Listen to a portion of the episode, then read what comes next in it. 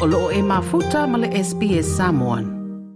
O se ripoti fau o whapea mai o migrants po i lato e malanga mai e au mau e Australia, whapea foi ma le au suru whai, ua le au fia i le ai mo se tali atu le whaititi o tangata e eito mai i Australia. O le ripoti ma le Settlement Services International, no lato tā ua e whaitau piriona tupe ma whaiona tu uina i te tonu o le tamau ainga, pe a whai e wha o ngā tau o lato to mai.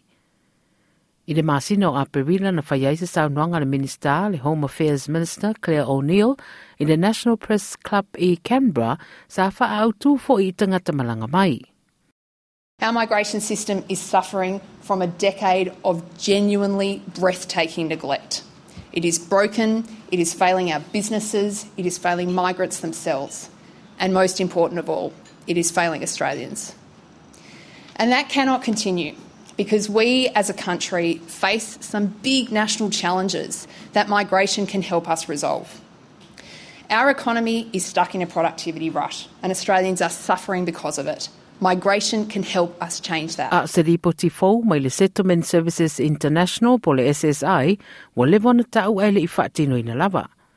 I lana ripoti ua whaingoa billion dollar benefit o whaeloa i o tangata sa o mai o tangata i eito mai ngā luenga ma le au suru whae New Zealand wa matua i whea ngai nei ma whainga tai le sa i dio se tūlanga mautū i le māketi o ngā luenga. O Dr. Muhammad Haruni o ia o se tasi o le au suru whae.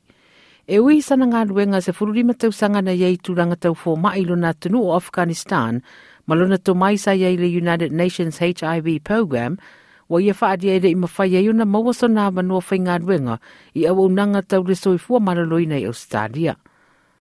For certain position, even I was not shortlisted, but for some position when I was shortlisted for the interview, like I, I, I went through four or five interviews last year, uh, and I was not like uh, uh, succeeded in those interview as well. When I was having a following up with them, somewhat telling me that you are overqualified for this position.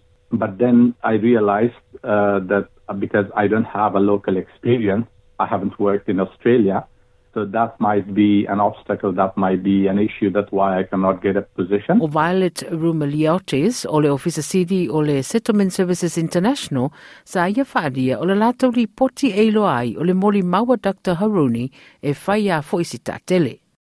Unlike most OECD countries where migrants tend to be less qualified than the locally born population, the opposite is true in Australia, where one in four permanent skilled migrants are working below their skill level, even though they are uh, higher qualified. Na ole au mawhala au po medicine se mana o tangata ruenga i mai a tangata insinia foi leis inga.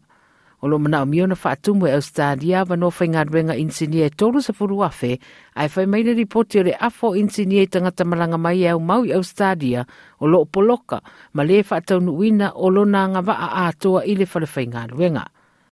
I think there's many common misconceptions that employers particularly have about refugees and, and migrants generally, um, that they uh, have a lack of skills or education, for example. That is you know, really not the case. Many arrive uh, trained as doctors, engineers, teachers. There's a view that migrants don't have adequate language proficiency. And then there's a view that they won't be culturally, you know, fit, that there won't be a good cultural fit. And there's many unconscious biases here um, and assumptions about compatibility with, a, with an organisation's values or work environment. And then I think there's a limited commitment to really being curious about what migrants and refugees could bring to a workplace. Ai ole ripoti fo i o mata wina i nisi o tūranga i le system o lo whaonga. O le limas fulfitu paseni o tangata o sa ili ni tūranga tau le pui puinga o asylum i Australia ma le ma whai o na whaatanga e whai ngā ruenga. Toi titi lua vai tolu o tangata whai ngā ruenga o lo iai i visa le tū maupo temporary visas ma o lo tutongi fo i ei titi ane nei lo le tutongi sa o te tauna iai. E na o le tolu su tolu paseni o tangata malanga mai au mau tu mau, o lo o amana ia o lātou tu spasi taua o ongai Australia, o se tūlanga Family Settlement Services, o se tūlanga tonu na walalea, o le aso, o le so na whao ngā. Pe mai Dr. Haruni, o lewa amana ia nei ona tūsi pasi manga waa, a o se lu i tau tele sa whea ngai maia, mai si fu i tangata. The whole recognition process uh, normally should take like three to four weeks time, but uh, th- that's the maximum uh, time. But but like for some, it took more than mm, 20, 25 weeks, like more than three, four, five months period.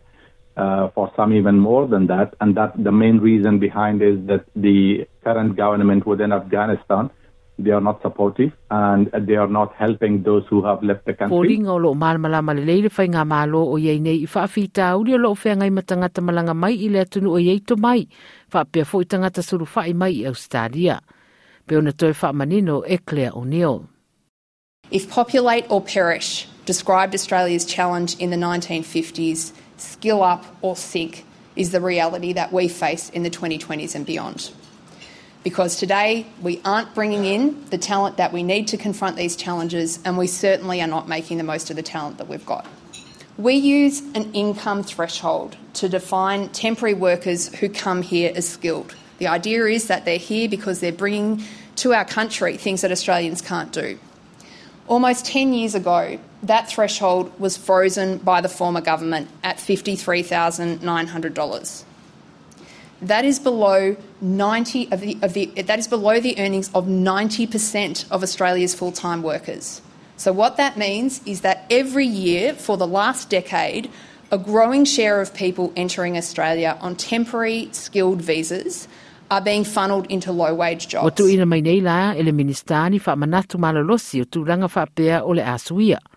O seisi whainga photo migration po le malanga mai o tangata i rea tunu, ua fuafua le a wha alau i se teimi murumuri anu le nei sanga, ma ua fuafua le anga i sao lava i popolenga ia i mata upu tau visa, ma tūlanga o ngā ruenga, e meise le amana i eina o tūsi pasi maanga waa.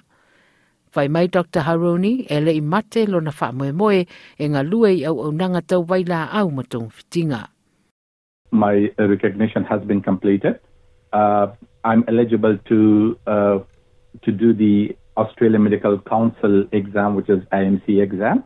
So it needs at least one to two years preparation to uh, make myself prepare for that exam and to do the test. Uh, my long-term goal is like still to go back to my health-related field, and uh, I'm quite confident that I will. O le ripoti na tufatsia Deborah Groarke, mai le SBS News whaniwina foi a walu sira fia i le mata upu.